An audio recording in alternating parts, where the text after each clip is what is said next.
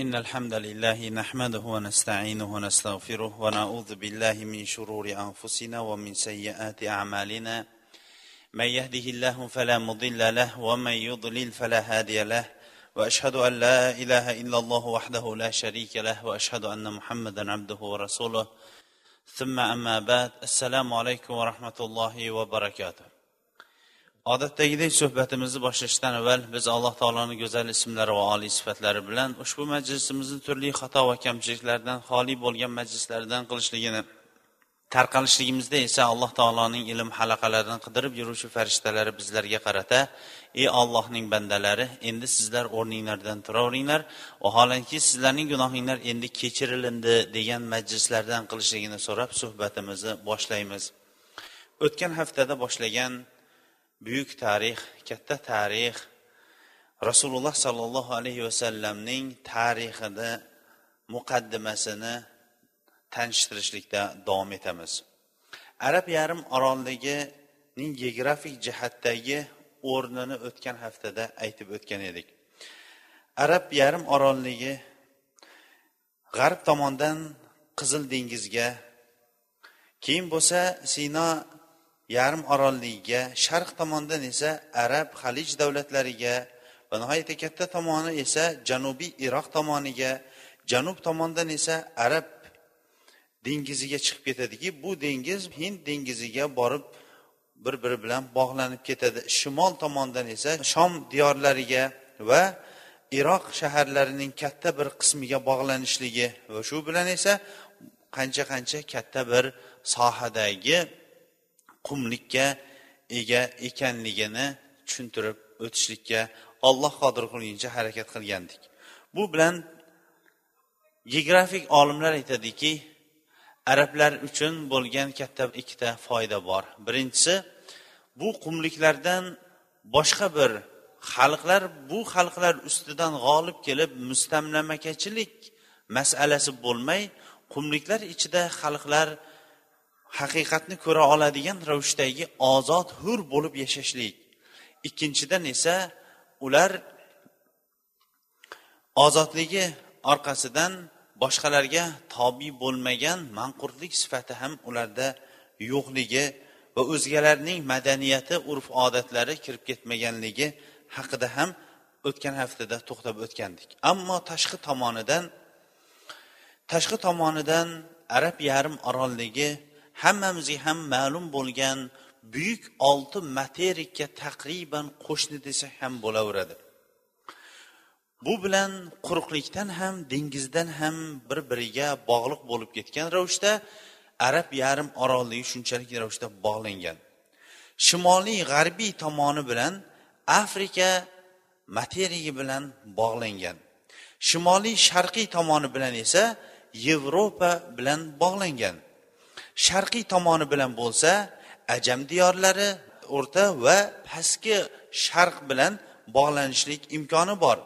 Va shu bilan birga hindiston va mashhur chin ya'ni xitoy davlati bilan bog'lanish imkoni bor. Bu bilan bizga ma'lum bo'ladiki arab yarim orolligi butun yer kurasi bilan ham quruqlikdan ham suv bilan bog'lanishlik imkoni bo'lgan geografik darajadagi o'rin bo'lganligi uchun ham alloh taolo mana shu o'rindan oxirgi payg'ambar butun yer kurasiga uning risolati yetishligi yengil bo'lgan payg'ambarni arab yarim orolligidan tanlagani ham mana shudir shu bilan birga arab yarim orolligidan nafaqat da'vatning yetishligi balki mana yaqinlashib kelayotgan haj mavsumi ham o'sha yoqda bo'lishligi hamma uchun qulay.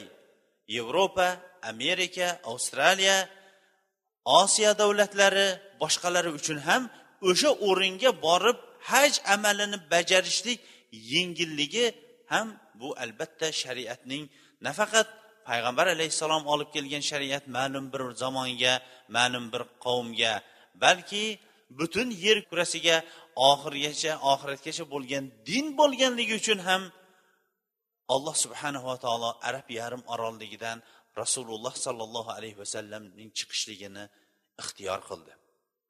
Bir ovoz bilan aytganda arab yarim orolligi bu yer kurasining kindigi desak ham bo'laverardi. Shuning uchun ham misrlik mana shu asrning olimlari aytganki yer kurasining ayni o'rtasi ayni o'rtasi bu arab yarim orolligidir. Endi arab yarim orolligiga to'xtar ekanmiz. Arab yarim orolligidagi qavmlar haqida ham endi tanishib chiqsak. Arab yarim orolligida asosiy tarixchilarimiz arablarni uchta qavmga bo'lib turib mana shu qavmdan asosiy arablar tarqalganligi haqida to'xtashadi.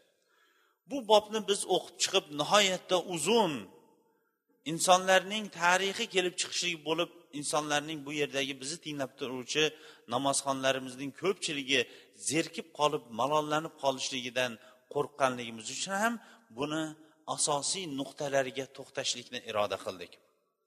Birinchi al arabul baida ya'ni eng avvalgi arablar deyilar ekan. Bularning haqiqiy tarixiga yetishlikni tarixchilar ham qiynalishgan ekan. Ularga ko'proq ad samud tosim jadis va shunga o'xshagan qabilalar. Ollohning o'zi biladi miloddan qancha asrlar avval bu qavmlar yashaganligini bu qavmlar o'sha eng avvalgi arablar hisoblanar ekan. Ikkinchi turdagi arablar al arabul ariba deb atalar ekan. Bular yashjab bin qahtan ya'ni bugungi kunda qahtoniy arablar degan arablarning asl nasllariga hisoblanar ekan. Bugungi kunda qahtoniy arablar degan nihoyatda ko'p arab mamlakatlarida sizlar uchun tanishtirishlik uchun hammamizga ham ma'lum bo'lgan musulmonning qo'rg'oni kitobining muallifi ham o'sha qahtoniylarning zurriyotlaridan hisoblanadi. Uchinchi turdagi arablar al arabul mustaraba ya'ni o'zlari tagi arab bo'lmaganu lekin arab bo'lib ketgan xalqlar ekan.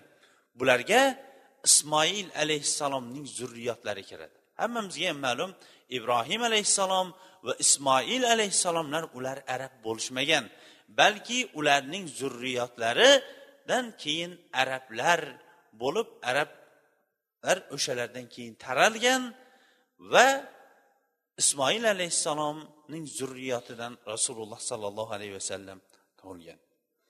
Bu uchta buyuk arab qabilasidan nihoyatda ko'p arablar va atrofni to'ldirgan arablar chiqqanligi haqidagi bizni muallifimiz alloh u kishidan rozi bo'lsin. Atrofga nihoyatda ko'p arablar qaysi arablar qayerga borganligi haqida tarixda nihoyatda ko'p to'xtabdi. Lekin biz hammasiga ham to'xtamaymizda faqatgina o'sha qahtoniy va mustaraba ibrohim alayhissalomning zurriyotlari qanaqa qilib kabaning qurilishligiga qisqa ravishda to'xtab o'tamiz. Mustaraba arablar ya'ni o'zlari arab bo'lib ketgan arablar ularning eng yuqori bobolari ibrohim alayhissalom bo'lib asli ibrohim alayhissalom iroq diyorlaridan bo'ladi. Ara degan shahardan ekan. Bu furot dengizining g'arbiy tomondagi sohillaridan bo'lib turib ko'faga yaqinroq o'rinda yashashgan ekan. Bu o'rin va ismoil alayhissalomning oilasi haqida hammamiz ham tarixni nihoyatda yaxshi bilamiz. Imom buxoriy alloh u kishini o'z rahmatiga olsin o'zining sahihida nihoyatda keng ravishda keltirgan va hammamiz ham yana bilamizki ibrohim alayhissalom o'zining qavmini yolg'iz ollohning o'ziga chaqirgan. Chaqirgan vaqtida ular ibrohim alayhissalomni olovda yoqishlik uchun bir oy mobaynida o'tin to'plashgan. O'tin to'plashib manjalik bilan bir oy to'plangan o'tinga ibrohim alayhissalomni otishgan. Alloh taoloning buyrug'i bilan ya naru kuni bardan va salaman ibrohim. Ey olov ibrohimga sovuq va salomat bo'l deyishligi bilan ibrohim alayhissalom shu bir oy qavmi to'plagan olov ichida sog'lom va biron bir narsa zarar yetmagan holatda olovdan chiqadi. Bu o'rinda albatta to'xtab o'tishligimiz kerak.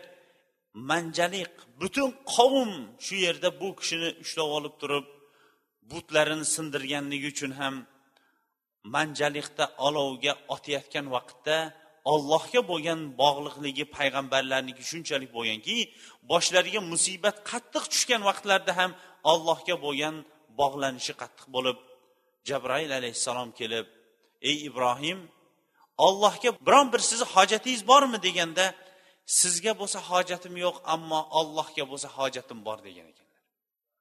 Boshiga shunchalik ravishda o'lim olovning ichida dahshatli bir alangaga tashlanib turgan vaqtda. Shunda alloh taolo buyuradi o'tga ey o't ibrohimga sovuq va salomat bo'l. Mufassir ulamolar aytadiki agar sovuq bo'l deganda ibrohim alayhissalom shu olovning ichida muzlab qotib qolgan bo'lardi. Va salomat bo'l deyishligi bilan salomat muzlab qolmasdan turdi degan ekanlar. Shu bilan bu diyorlardan ibrohim alayhissalom o'zining ayoli sarani olib misr diyorlariga boradi. Misrda unga hammamizga ham ma'lum bo'lgan fir'avn o'zining makr hiylasini ishlatmoqchi bo'ladi lekin alloh taolo bu sora onamizni uning makr hiylasidan asraydi. Keyin buni ko'rgandan keyin ko'pchilik tarixchilar shu asrgacha fir'avn sora va ibrohim alayhissalomdagi bu buyuk mo'jizalarni ko'rgandan keyin ularni qo'yib yuboradi va o'zining bir cho'risi hojar degan cho'risini qo'shib beradi. Lekin alloma qoziy muhammad sulaymon mansur rahimaulloh aytgan ekan u qizi edi degan ekan. Ya'ni fir'avnning qizi hojar edi deb. Vaqtlar o'tishligi bilan ibrohim alayhissalom hojar onamizdan farzand ko'radi o'g'il farzand. Muhimi bu yerda ham ular filistinga borishligi filistinda sara onamizni qo'yib hojar onamiz bilan emizgilik bo'lgan go'dak bilan ibrohim alayhissalom makkaga keladi. U vaqtda makka degan shaharning o'zi yo'q. Ibrohim alayhissalomning duosida min g'ayri zi zarin. Biron bir o'simliksiz joy deb ibrohim alayhissalom ularni tashlab ketayotgan vaqtda duo qiladi. Shu yerga olib boradida o'zining yosh ayoli va emizikdosh bo'lgan farzandini tashlab ketayotganda hojar onamiz orqalaridan ergashar ekan bizni endi tashlab ketayotgani bir ko'za suv va bir ozroq idishdagi quruq xurmo. Bizni mana shu o'ringa tashlab ketasizmi? deb orqasidan ergashadi. Birinchi ikkinchi uchinchi marta so'raganda ham ibrohim alayhissalom burilib qaramaydi. Keyin bo'lsa uchinchi marta aytganidan keyin yoki olloh shunga buyurdimi? desa ha olloh buyurdi deydi. Qarang allohga va oxiratga iymon keltirgan ayolning javobini qarang. Aytadiki agar olloh shunga buyurgan bo'lsa olloh bizni tashlab qo'ymaydi deydi. Allohu akbar. Olloh shunga buyurgan bo'lsa bizni olloh tashlab qo'ymaydi. Shu bilan ibrohim alayhissalom ketadi. Hammamizga ham ma'lumki ozroq vaqtdan keyin ismoil alayhissalom yig'laydi. Shu o'rindagi eng katta tog' hisoblangan safo tog'iga qarab turib hojar onamiz yugurib chiqib atrofdan suv olishlik uchun safo tog'idan atrofdagi karvonga qaraydi. Ko'rinmagandan keyin marva tomonga qarab yuguradi marva tog'ini tepagiga qarab turib. Shu o'rtada yetti marta u yoqdan bu yoqqa yurganida marva tomoniga qarab turib atrofga qarab ismoil alayhissalomga qarasa ismoil alayhissalomning oyog'ining tagidan suv oqib turgan bo'ladi. Hojar onamiz yugurib kelib suvni ishonib ishonmasdan qo'li bilan bir kichkina buloq chiqadigan ravishda belgilab qo'yadida zam zam zam zam derkan. Zam zam zam zam degani ibroniy tildan olingan bo'lib to'xta to'xta ketib qolma to'xta degan ma'noni anglatar ekan rasululloh sollallohu alayhi vasallam aytdi hojarni olloh rahmatiga olsin agar to'xta to'xta demaganida zamzam arab yarim orolligidan oqib turadigan bir vodiy bo'lib oqib turardi dedi.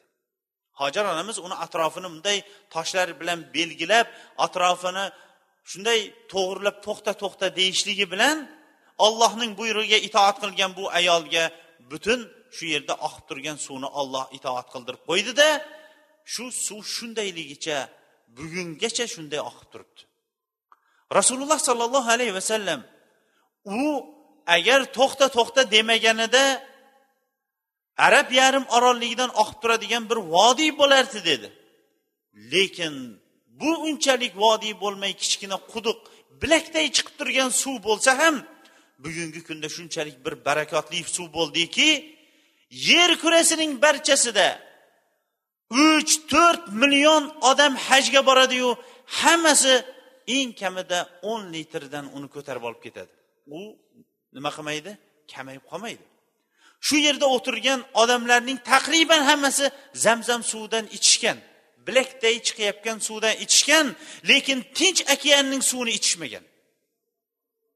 Tinch okeani shunchalik katta bo'lishiga qaramasdan yer kurasidagi musulmonlarning hammasi uni ichgan deya olmaymiz. Ammo yer kurasidagi hamma musulmonlar bilakday chiqib turgan zamzam suvini ichishgan deya olamiz.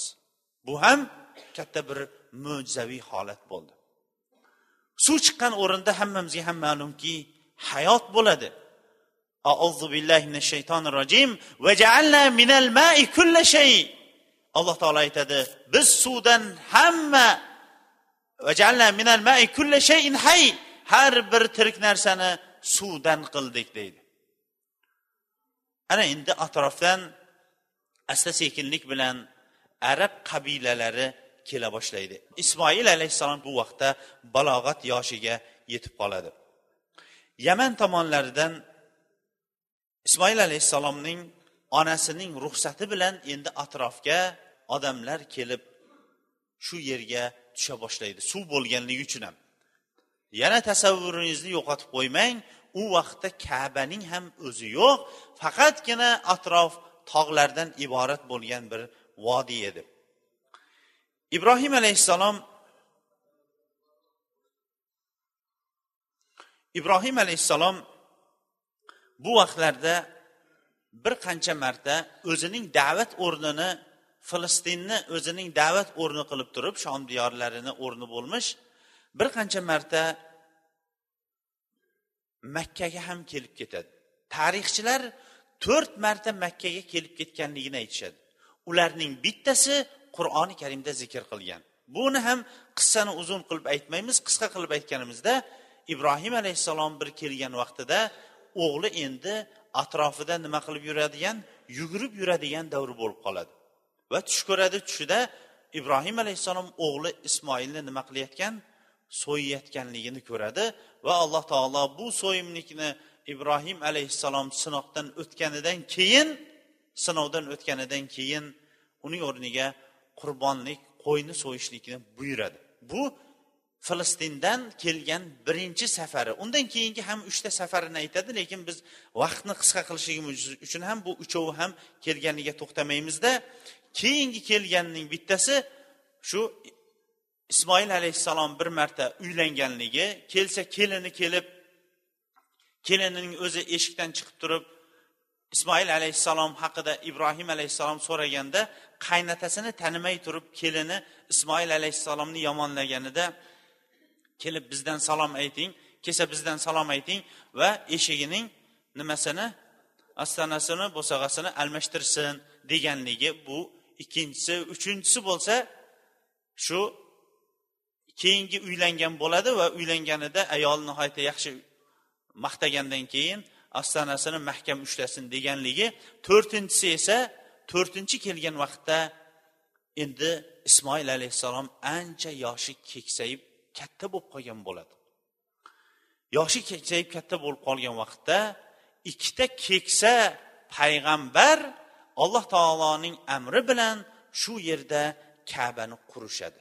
Bunga ancha vaqtlar va o'rtadagi katta bir firoq ollohga va oxiratga iymon keltirgan kishilargina sabr qilmasa boshqa odamlar sabr qila olmaydigan ravishdagi bu ikki zot ikki payg'ambarning ota bolaning bir biridan ajralishlik vaqti o'tishadi va bular keyin esa allohning amri bilan bu yerda kabani qurishadi. Ismoil alayhissalomga alloh subhanava taolo o'n ikkita farzand beradi. Bu o'n ikkita farzandning hammasi o'g'il bolalar bo'lib ularning asosi butun arab yarim orolligini to'ldirib alloh taolo zurriyotiga barakot etib hatto arab yarim orolligining tashqarilariga ham zurriyotlari taralib ketadi. Bu tarixni o'qiyotgan vaqtda inson faxrlanadiki islomni alloh taolo shunchalik bizga otalarining bobolarining ismlarigacha saqlab berdiki inson bu bilan faxrlanishi kerak. Yahud va nasorolarda bunaqa masalaning o'zi yo'q. Tavrotni o'zi qanday kelib qolganligi yoki injilning qanday yozilganligi o'zi ularda tarixi yo'q. Bizda bo'lsa rasululloh sollallohu alayhi vasallamdan avvalgi yigirma yigirma bir o'rtadagi naslning avlodi ismma ism har biri qaysi tomonga taralganligi adnongacha bo'lgan o'rin biron bir ixtilofsiz adnon bilan ismoil alayhissalomning farzandlaridan bo'lmish adnon bilan rasululloh sollallohu alayhi vasallamning o'rtasida yigirma birta ota bor. Bu yigirma bir otada tarixchilarning birontasi ixtilof qilmagan. Yigirma bir otadan keyin ismoil alayhissalom va ibrohim alayhissalom bilan nuh alayhissalom o'rtasidagi bo'lgan silsilaviy otalar o'rtasida ulamolar ixtilof qilishgan. Lekin mana bu o'rinda hech kim ixtilof qilmagan. Ammo bu sizu bizni aslida faxrimiz.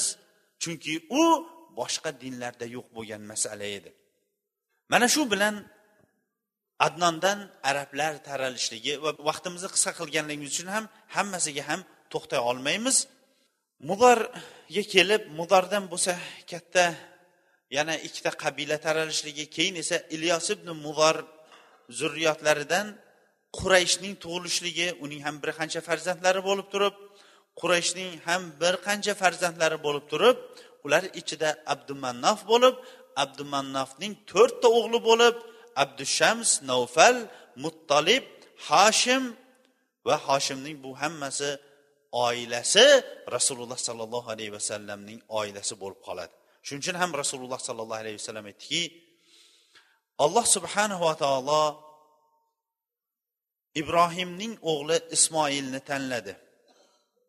Va ismoilning farzandlaridan kinonani tanladi. Banu kinona ya'ni kinonaning farzandlaridan qurayshni tanladi. Qurayshdan esa banu hoshimni tanladi. Va banu hoshim ichida esa alloh taolo meni tanladi degan ekanlar.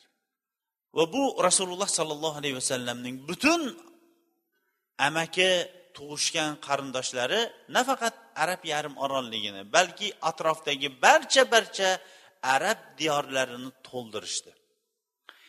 Bu endi rasululloh sollallohu alayhi vasallam davridagi u kishining arab qabilalari haqidagi xabar bo'ladigan bo'lsa rasululloh alayhissalom davrida arablardagi hukm qanday bo'lar edi hukm haqida gapirishlikdan avval islomdan avval arablarda deyarli katta bir hukumat bo'lmagan. Ularda faqatgina qabila qabila boshchisi yoki bir joyga bir boshliqlik bo'lishlik kichikroq ravishda bo'lgan.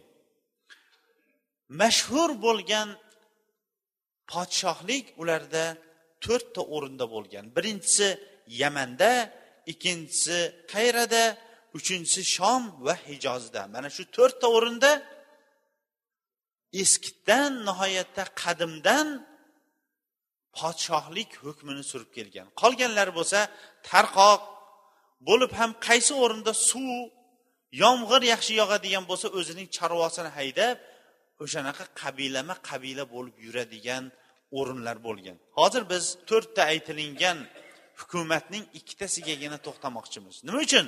Chunki bu ikkitasi nihoyatda buyuk tarixga ega bo'lganligi uchun. Eng birinchisi yaman. Yaman diyorlari alloh subhanava taolo o'z vaqtida ularga saba qabilasida shunday bir nozu ne'matlarni berdiki ibn kasir rahimaulloh bidaya va nihaya kitobida keltiradi ayollari bo'sh savatni boshiga qo'yib olib onamnikiga borib kelay yo xolamnikiga borib kelay deb bog'dan nariyog'iga o'tguncha savat to'lib qoladigan ravishda mevalarni berdi. Shunchalik ravishda ularga hayotni yengil qilib berdi va ular atrofdagi butun ko'pchilik xalqlarga hukm suradigan bo'ldi. Buni hammamiz ham yaxshi bilamiz. Qur'oni karimda qaysi qissada? Sulaymon alayhissalomda mashaalloh yaxshi ham domlamiz bor. Sulaymon alayhissalom qissasida hudhud sassiq papshak nimaniki bilqisniki nimasini topib keladi xabarini topib keladi. Tarix bo'lganligi uchun ham ozgina aytib o'tamiz. Sulaymon alayhissalomga alloh taolo shunday imkoniyat beradiki shamol jin barcha mavjudotlarni unga nima qiladi? Bo'ysuntirib beradi. Bir oy mobaynida uchar gilamiga o'tirib olib sulaymon alayhissalom yer kurasini nima qilardi? Bir aylanib chiqardi. Lekin yer kurasini aylanib chiqsa ham yer kurasidagi hammani bilavermasdi. Bu ham yolg'iz olloh subhanahu va taoloning barcha narsani bilishlik o'ziga xos ekanligini bildiradi. Hudhud qushining vazifasi shundan iborat ediki sulaymon alayhissalomning lashkari biron bir joyga tushadigan bo'lsa hudhudga alloh taolo bergan imkon qaysi bir yerda suv yerga yaqinrog'ini u yer ostini ko'rib berardi. Sulaymon alayhissalom bir kuni keldida bir joyga tushdi askarlar. Darrov nima kerak? Suv kerak. Qarasa qushlar qatorida hudhud qushi yo'q. Sulaymon alayhissalom aytdi yo bir o'zining bu yerda sababsiz ketib qolgan uzrini aytadi yo kallasini oboraman dedi. Sal o'tmay hudhud qushi uchib keldi. Keyin qushlar unga xabar berdi. Holingga voy bo'lsin. Sulaymon yo bir uzr topasan yo kallangni olishlikni va'da qilib qo'ydi dedi. Meni uzrim bor xotirjam bo'linglar dedi. Ahattu bima tuhid bihi. Siz bilmagan narsani bildim dedi. Qarang kichkina qush sulaymon alayhissalomga siz bilmagan narsani bildim. Saba degan shaharda shunday bir malika bor ekanki ular ollohni qo'yib quyoshga ibodat qilishar ekan uning bir arshisi bor ekan degan xabarlarni aytdi. Ya'ni endi bilqis haqida bu saba shahrining yaman shahrining shunchalik buyuk davlat ekanligini ma'lum qilishlik uchun saba shahri haqida to'xtaymiz. Imom qurtubiy o'zining tafsirida keltiradi bilqisning butun bobolarning bobolarining barchalari podshohlar bo'lib o'tishgan. Bilqisning bo'lsa otasiga ko'p kimlar? Qizlar yoqavermagan ekan. Buni imom qurtubiy naml surasining tafsirida keltiradi. Ko'p qizlar yoqavermaganidan keyin bir kuni ko'chada ketyapsa bu bo'lajak podshoh bir ayol o'ziga chaqirib siz ko'pchilikni ko'rayotgan ekansizu ammo yoqmayotgan ekan bizni qizimizni ham bir ko'rsangiz derkan. Keyin qizini ko'rsatgandan keyin qiz buni ajablantirib uylanar ekan uylanginsa u jinlarning podshohining qizi bo'lar ekan otasi inson onasi jin bo'lgan ikki jinsdan bo'lgan kanizak kim bo'lib tug'iladi? Bilqis bo'lib tug'iladi. Shuning uchun ham bilqis nihoyatda nima bo'ladi? Chiroyli bo'ladi. Mitislar chiroyli bo'ladimi? Chiroyli bo'ladi. Shuning uchun ham oysha onamiz rasululloh sollallohu alayhi vasallam bilqisni sulaymon alayhissalom oynadan qilib qo'ygan tagidan bo'lsa dengizning to'lqinlari jo'sh urib turgan vaqtda o'zining nimasini ochadi? Boldirini ochgan vaqtda bu suv ekan deb tushib ketaman deb qo'rqib turgan vaqtda boldirini ochdi deganini aytib turgan vaqtda oysha onamiz shu yerda ham ozroq qizg'anadida boldiri shuncha chiroylimidi deydi. Rasululloh sollallohu alayhi vasallam siznikidan chiroyli emasdi deydi. Muhimi bu yerda biz bilqis tarixiga kirib ketganligimiz sababi yamandagi saba shahri buyuk shahar bo'ladi. Alloh subhanahu va taolo bu shaharni o'zi maqtagan va payg'ambarlarni yuborgan miloddan yigirma besh asr avvalgi ba'zi bir qazilmalar chiqilganligini tarixchilar isbotlagan buyuk eski shahar. Shuning uchun ham podshohligi ham nihoyatda eski bo'lgan o'rin bo'ladi. Uning ustiga biz yamanga to'xtamoqchi bo'lganimiz sababining yana bittasi uhdud voqeasi ham yaman shahrida bo'ladi. Uhdud voqeasini hammamiz ham bilamiz. Qaysi voqea? Yaman shahrida rasululloh sollallohu alayhi vasallam muaz ibn jabalni jo'natayotganda siz ahli kitoblardan bo'lgan qavmga borasiz deydi. Yamanliklar xristian dinida bo'lishadi. Ko'pchiligimiz o'sha e, bugungi kunda nimaniki buni suratini ya'ni multfilmini ko'pchilik ko'rgan yosh yigitning podshohning nimasi bilan sehrgari bilan keyin bo'lsa shu xristian dinini ushlagan domla o'rtasida bo'lib turib alloh taolo unga bir mo'jizalar berishligi bilan ko'pchilik xalqlar unga ergashib ketayotganini ko'rgan podshoh katta bir chuqurlik qazib turib u yerga barcha nimalarni barcha o'tinlarni yoqib turib shu yerda u yigitni o'ltirmoqchi bo'lganda ollohning nomi bilan aytsanggina o'la olaman deyishligi bilan shuni aytgandagina o'lganligi bo'lmasam o'lmaganligi keyin bo'lsa odamlarning barchasi shu xristian dinini qabul qilganligi haqida qissa ko'pchiligimizga ham ma'lum. Bu tarixni agar hammasiga to'liq to'xtay oladigan bo'lsak vallohu alam bir yilgacha payg'ambar alayhissalomni tarixiga yetolmaymiz. Shuning uchun ham uch uchlardan qayerda nima bo'lganligini asta asta aytmoqchimiz. Uhdud ya'ni o'sha chuqurlik keyin bo'lsa hamma iymon keltirib ketganligini ko'rgan podshoh hammani tirikligicha olanga yonib turgan chuqurlikka hayday boshlaydi. Qo'lida yosh go'dagi hali gapirishlik u yoqda tursin emiziklik bo'lgan go'dakni qo'lida ushlab ikkilanib turgan ona o't oldida bu tomonida iymon bu tomonida kufr oldinda esa olov turganida qo'lida turgan go'dak ona ikkilanmay olov tomonga yuravering siz haqiqatda siz degandan keyin ham yana odamlar iymonga kiradi. Shu bilan yaman diyorlarining barchasi nimani qabullashadi? Islomdan burun bu xristian dinini qabullashadi. Ho'p xristian dinini qabullashadi. Keyin bo'lsa ozroq vaqtdan keyin bo'lsa kisro tomonidan habashiylar jo'natiriladi kisro tomonidan habashiylar jo'natilib turib o'n sakkiz ming habashiy dengiz orqali kelib yamanni ishg'ol qilishadi. Ishg'ol qilib o'zlariga olgandan keyin ularning boshlig'i kim bo'ladi? Kabani buzmoqchi bo'lgan kim? Abraha. Va bu abraha shu yoqqa yamanga joylashib keyin bo'lsa kabaga bo'lgan odamlarning muhabbatini o'zi shu yoqqa kabaga o'xshagan bir o'rinni uyni qurib turib burmoqchi bo'lib shu fil voqeasi bo'ladi. Fil voqeasidan keyin habashiylarning hukmi yamanda sinadi va qaytadan yamanliklar o'zlarining davlatini quradi. Vaqtimiz yakunlanib qolganligi uchun ham shu o'rinda inshaalloh to'xtaymizda kelgasi inshaalloh darsligimizda rasululloh alayhissalom yuborishidan avvalgi podshohliklarning holati haqida qisqa qisqa to'xtab o'tamiz.